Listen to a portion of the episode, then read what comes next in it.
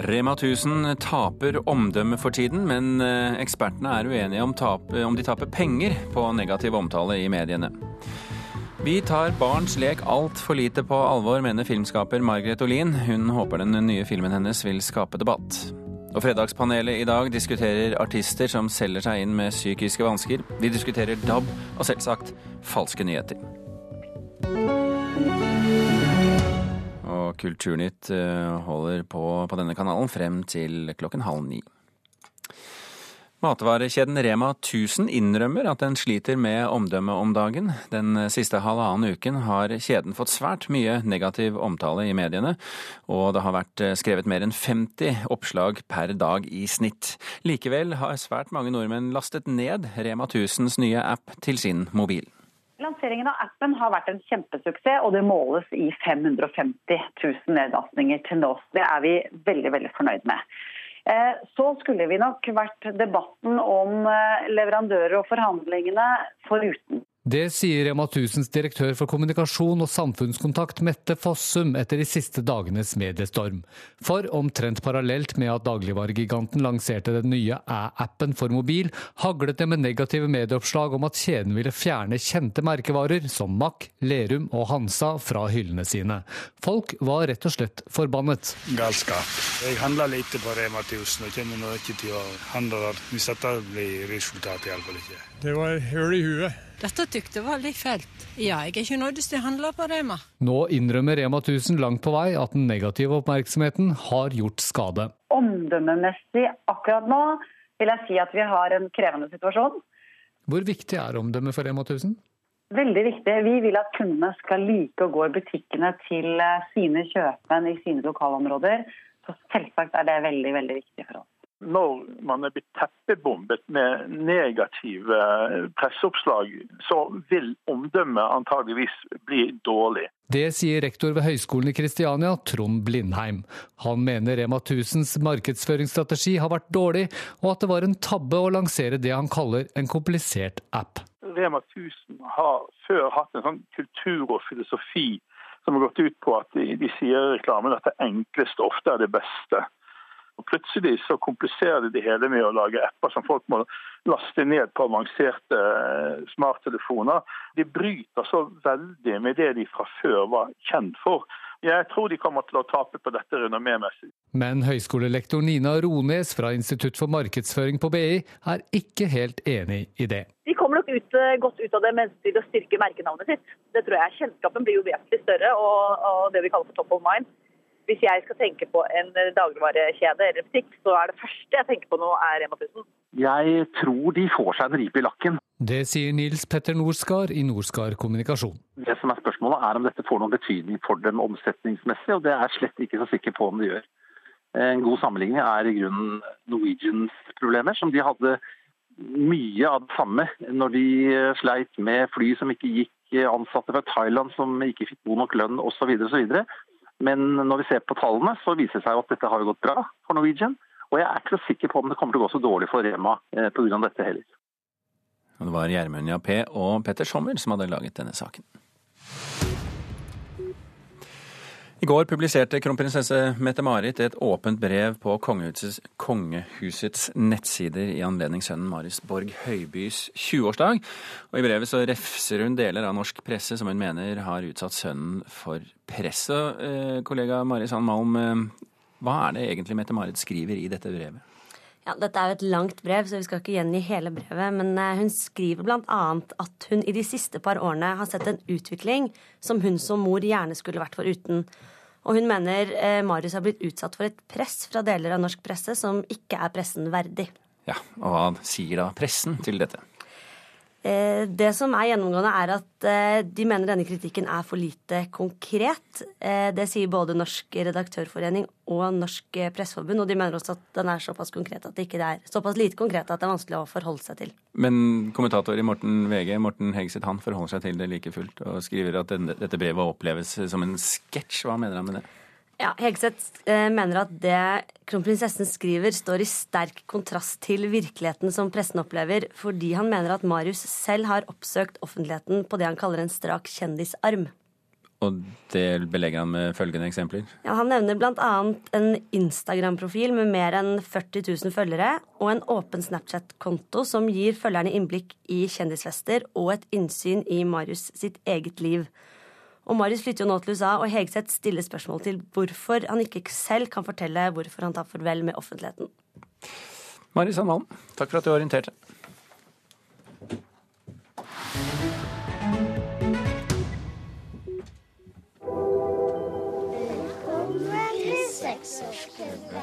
I dag skal vi ha seksårsklubben i skogen. Men det jeg har tenkt, er at vi skal lage kjepphester.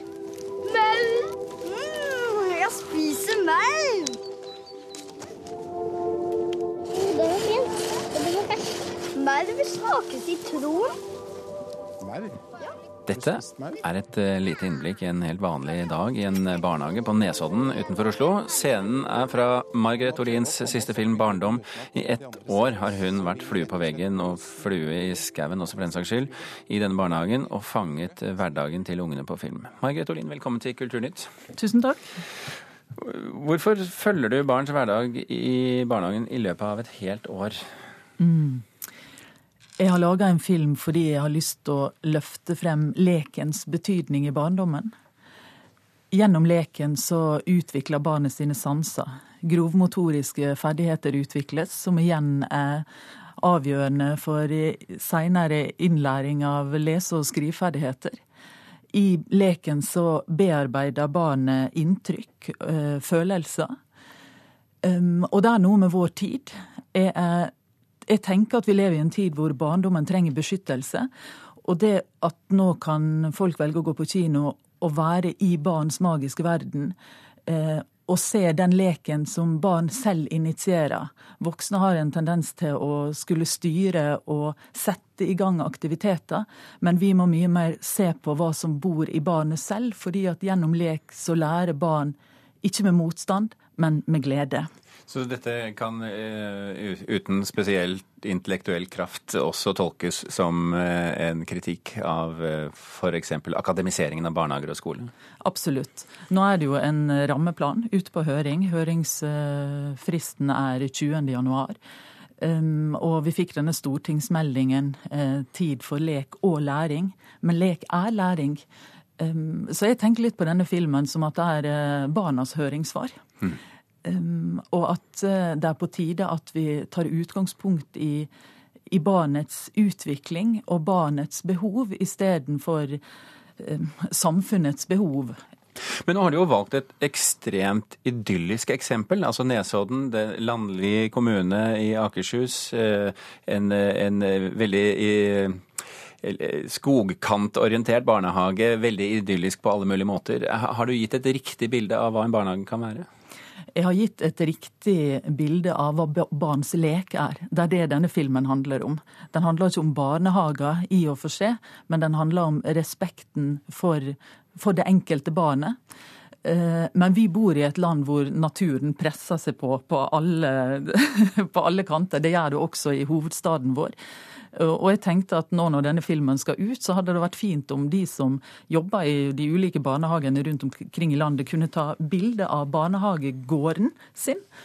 Jeg tenker ofte det når jeg reiser rundt i landet, som jeg gjør veldig mye, at hvorfor, når du har den fantastiske skogen inntil gjerdet til barnehagen, og barnehagen er asfaltert, og der hadde man bygd mange lekeapparater, hadde man bare åpna porten ut i skogen, så trengte ikke man å kjøpe leker, men barnet ville ha med sin skaperkraft eh, ja, gjort om denne skogen til den verden som, ja, som de leker i. da. Men samtidig så er jo halve Norge bor jo i by. De, de, det er ikke sånn umiddelbar tilgang til skog på alle plasser. Nei, altså, jeg bor i gamlebyen. Unnskyld at jeg gjør dette til et spørsmål om skog, for det er jo ja. ikke egentlig det som er poenget. Men, men, men, spørsmålet er om ikke andre typer leker også, eh, f.eks. iPad eller eh, tilsvarende leker, kan være vel så bra for barnehjernen? Det er jo ikke sånn at filmen kritiserer den ene måten eller den andre måten å leke på, men den viser hva som bor i barnet selv. Um, og at vi ikke trenger disse uh, foreldrestyrte aktivitetene eller barnehagelærerstyrte aktivitetene i den grad som vi kanskje tror vi er da. Um, det er altså en stortingsmelding som kommer i januar. Filmen den kommer 3. Eh, mars, selv om den har en slags førpremiere på, på filmfestivalen i Tromsø neste uke. Margrethe Olin, takk for at du kom til Kulturnytt. Takk.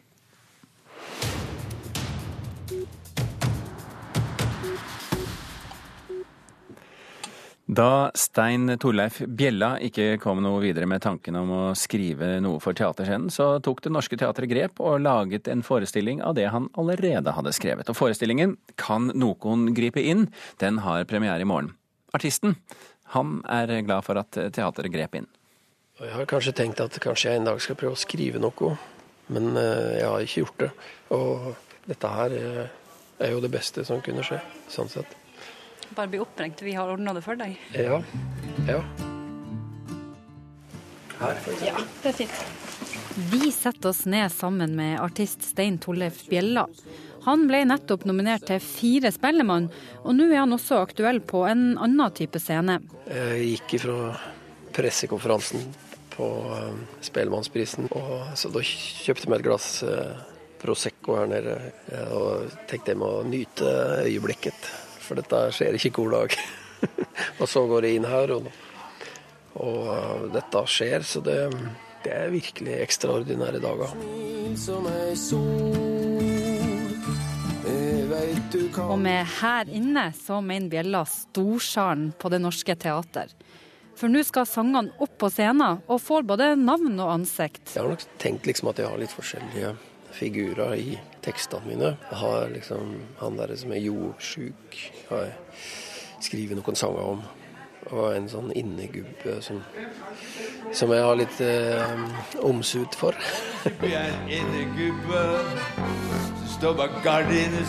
Når jeg kom inn her og så kulissene her, så tenkte jeg at det her var veldig deg.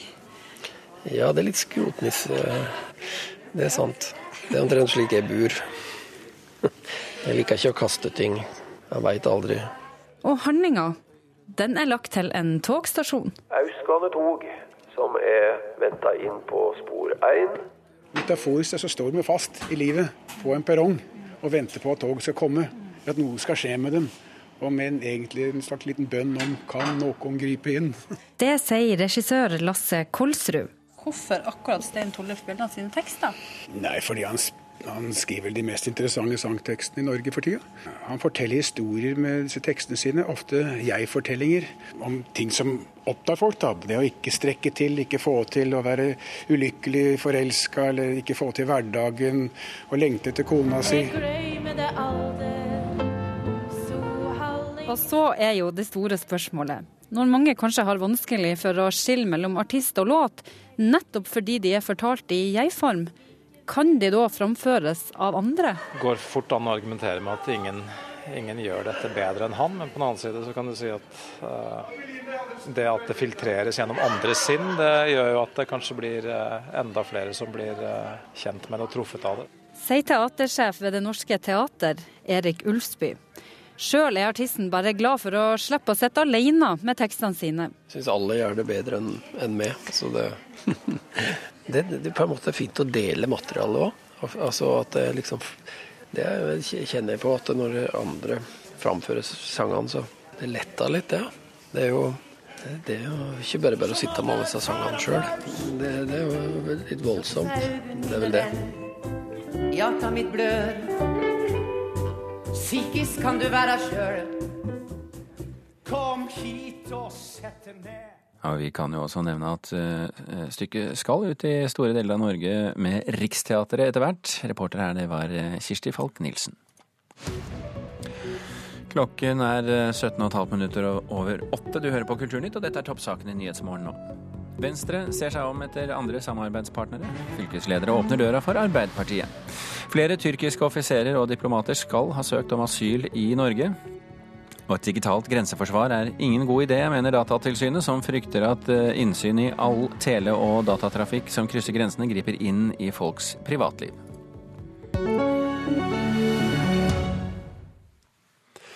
Da har vi satt i gang Fredagspanelet allerede, og på sin praktisk og innrettede stol sitter Kjell Lars Berge, professor i retorikk, programleder her i NRK, Ragna Nordenborg, og kultur- og debattredaktør i Fevennen, Karen Kristine Blågestad. Velkommen alle sammen. Takk. Blågestad fra Kristiansand studio, så du får gjøre deg gjeldende til beste evne, Karen Kristine. Ja. På fem år har det vært en dobling i antallet presseoppslag hvor kjendiser forteller om sine egne psykiske problemer. Det fortalte vi denne uken. Og en av de vi snakket med, som driver et plateselskap, han sa at litt av årsaken til at kjendiser forteller om sine problemer i media, er at de ellers ikke får omtale. Så da spør vi hvem har Vi skal spørre hvem har skylda her. Og dere får tre alternativer. Artistene, kulturindustrien eller publikum, Karen Kristine? Artistene. Ja, artistene. Kulturindustrien. Du skal få lov til å gå ut som uh, ja, takk. ensom. Nei, jeg jeg syns jo dette er veldig skremmende, faktisk. For det å ha psykiske problemer er jo en meget alvorlig lidelse, og det er jo ikke akkurat noe man skal uh, leke med. Når jeg, når jeg forbereder meg litt sånn til i kveld, så, i dag, dag morges, unnskyld, så uh, i går kveld så så jeg litt på David Bowie, som hadde en bror som hadde, var schizofren og tok livet av seg. Og David Bowie han var jo portrettert her på TV for ikke så lenge siden fortalte litt om hvor ille det var å ha en bror, og hvor farlig og redd han var selv for å få den lidelsen. Og Det er jo ikke noe å leke med, det er ikke noe å bruke i markedsføring. Det så det han gjorde, var å beskytte seg selv for den offentligheten som det ville være å fortelle om det ut i samfunnet. Så han på en måte lagde en maske, ikke sant? Og det tror jeg en, en artist alltid må gjøre. Man må bygge en maske, hvis ikke er man totalt hudløs. Og da blir man spist opp. Og det har Bowie skrevet en sang om som heter Fame, for øvrig. Mm. Sånn at det å leke med dette, sånn som jeg syns det der det antyder at det er, det, det syns jeg er veldig farlig, altså. Og, og, industrien burde passe seg? Definitivt, ja. Ragna? Ja, jeg syns jo at du ser masse eksempler på særlig de unge norske artistene som gjør det ekstremt stort og godt internasjonalt. Der når det ikke fram en Det er ikke først og fremst en historie om en ungdomsdepresjon eller en abort som gjør at Kygo er kjempestor i utlandet. Så det, jeg har bare landa på, når, det, når, det skulle, når, vi skulle velge, at dette er jo, det er jo mulig å få vist fram musikken sin uten å gå den veien. Men det er klart, når du er norsk artist som synger på norsk, eller treffer mer et norsk publikum, så blir jo kanskje nettopp den personlige relasjonen til publikum litt viktigere. Mm. Men du kan fint klare deg uten å fortelle når du satt i varetekt, altså. Karen Kristine? Ja, jeg syns jo det er artistene som må sette grensene her, og det er de som må ta vare på sitt eget navn og sin egen karriere. Og det kan faktisk ingen andre gjøre for dem. Det er helt opp til dem. Så syns jeg også at det er et stort gap mellom det plateindustrien forventer at media skal gjøre, og det media i 2017 er innstilt på å gjøre. For vi driver jo mindre med ren lanseringsjournalistikk. Det må være en helt spesiell kunstnerisk interessant utvikling. Det må være et eller annet spesielt med det kunstneriske innholdet. Altså, det må være en journalistisk sak i bunn for at vi skal skrive om en plateutgivelse. Altså, det må være noe ved det, på en måte. Sånn at Hvis plateindustrien eh, vil, ha lansering, vil ha lansering av artister, så må de jo rett og slett kjøpe annonseplass.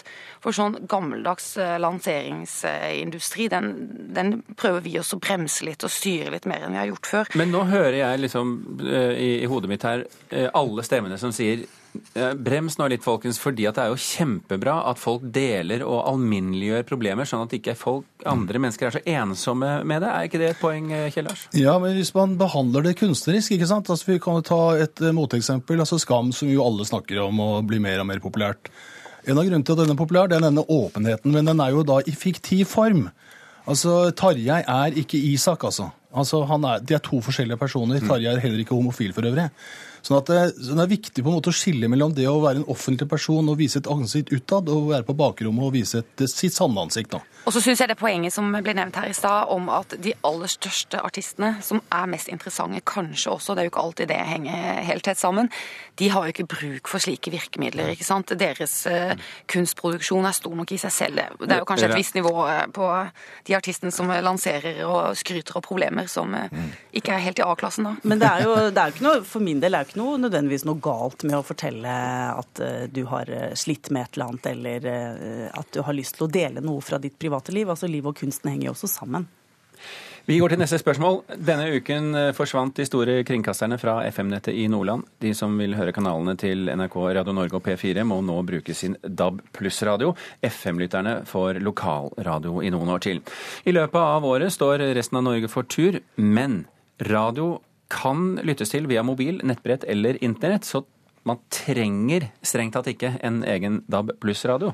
Og da blir spørsmålet selvsagt blir DAB-overgangen en suksess eller en fiasko, Kjell Lars? Jeg er veldig usikker, altså. Ja eller nei? Særlig på personlige vegne. Jeg, jeg, tror jeg, jeg vil si ka-cha. En, en, en moderat suksess. Eh, Karen Kristine, Nei, det blir nok en suksess, men jeg tror det vil ta lang tid. Hva er grunnen til at du tror det tar lang tid? Fordi at jeg syns det er et så utrolig stort ork å begynne å skifte ut sånne teknologiske dingsebingser. Så jeg har lyst til å be Tor Gjermund Eriksen komme ned til meg, ordne med liksom bilforretning og DAB-radio, installere det, og, bare, og jeg kan betale, men bare han ordner det. Det er sånt ork. Jeg orker det ikke. Betaler du også Ja, altså, jeg, det, det er akkurat dette med, dette med bilen som er mitt problem også, hvis jeg generaliserer ut fra om det egentlig Men jeg, da. Og jeg syns jo at hvor i all verden skal jeg løse dette? For jeg hører egentlig mest på eh, radio i bil. Så det, ellers så er det jo ikke noe problem. Men jeg, altså, hvis man bruker internett, man kan jo koble bare en høyttaler til en mobiltelefon, så har man jo alle mulige kanaler. Så what's the fuss, liksom? Nå snakker vi også da med Ragna Nordenborg, som jobber i en egen DAB-kanal. Så hva er fasiten her? Nei, jeg skal nå eh, ikke ha sending som mine kolleger de nærmeste dagene. Skal vi reise rundt i Norge og hjelpe folk med å installere i bil. Nei, Og vi skal kom ikke det. hit, nei. Vi skal ikke det. Men, eh, men eh, nei, det er eh, eh, mange ting med medieforbruket og hvordan vi forholder oss til duppedingser og det vi liker å høre på. Folk liker å høre på radio gjennom et lite radioapparat. Sånn er vi skrudd sammen. Vi, vi, vi syns det er nest, litt rart, mange av oss, å bruke mobilen eller andre kilder. Og jeg tror at eh, det er såpass stor del av befolkningen som er konservativ. Så jeg tror at det der kommer til å Folk er ganske disiplinerte når det gjelder å ha kjøpt faktisk DAB pluss-apparater til heimen. Men så er det det med bil, og det, det kan bli et eh, stort problem. Men der er det jo også andre overganger som viser at folk venter til siste liten, og så må de, og så gjør de det. Som jeg. Ja. Og du kommer til å gjøre det. Ja, det gjør jeg helt sikkert. Bare vent. Men jeg skjønner jo at folk er irritert, at folk blir frustrert. For det er jo dyrt, da. Det har jo en stor kostnad for mange. Og det er jo litt sånn eh, vi i avisbransjen, vi kan godt eh, Altså, dere kan kjøpe avis hos oss. Vi skal gi dere den. Men kunne dere være brydd med å skaffe papiret? Det er litt sånn.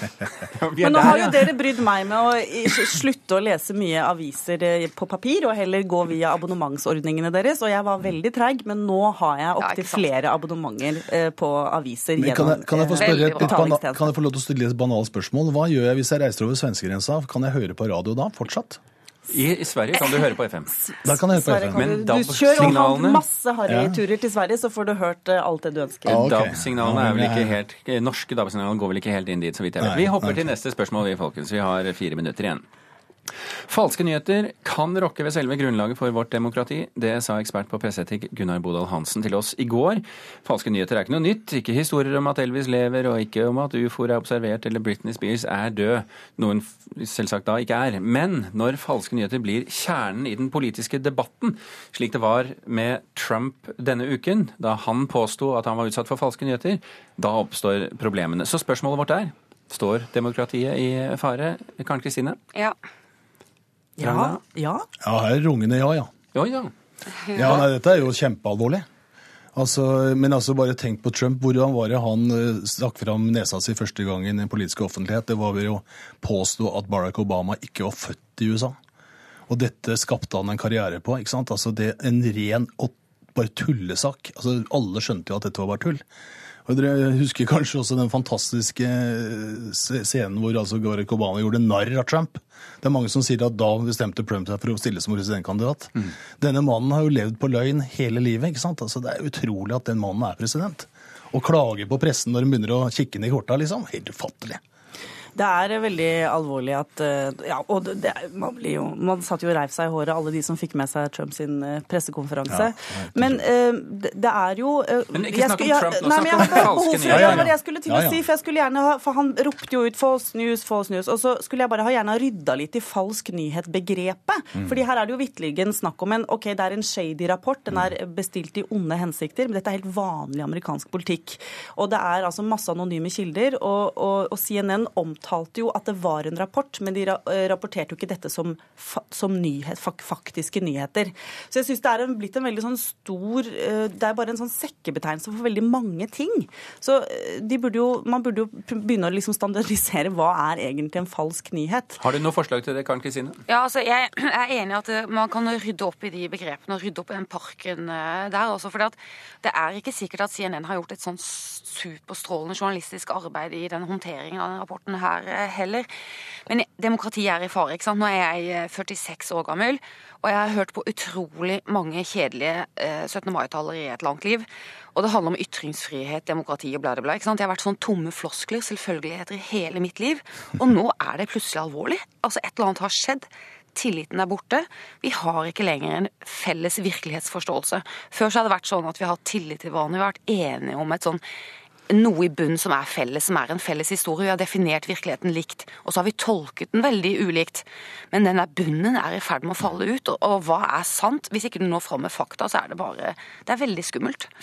Altså, noe, Noe, noe, av dette som eh, altså så rører vi falske nyheter og som har med saken å gjøre, syns jeg da det er denne, litt sånn som vi snakket om i stad, bruddet mellom det private og det offentlige. Og det er klart, Hvis du til enhver tid skal ha en mikrofon stående i ditt private rom, hvor pressen og andre kan høre på hva du sier uformelt, og du gjør det til saken. Ikke sant? Hva sa, mener han eller hun egentlig? Altså Litt sånn som vi hadde med Clinton-saken, hvor altså disse e-postene florerte.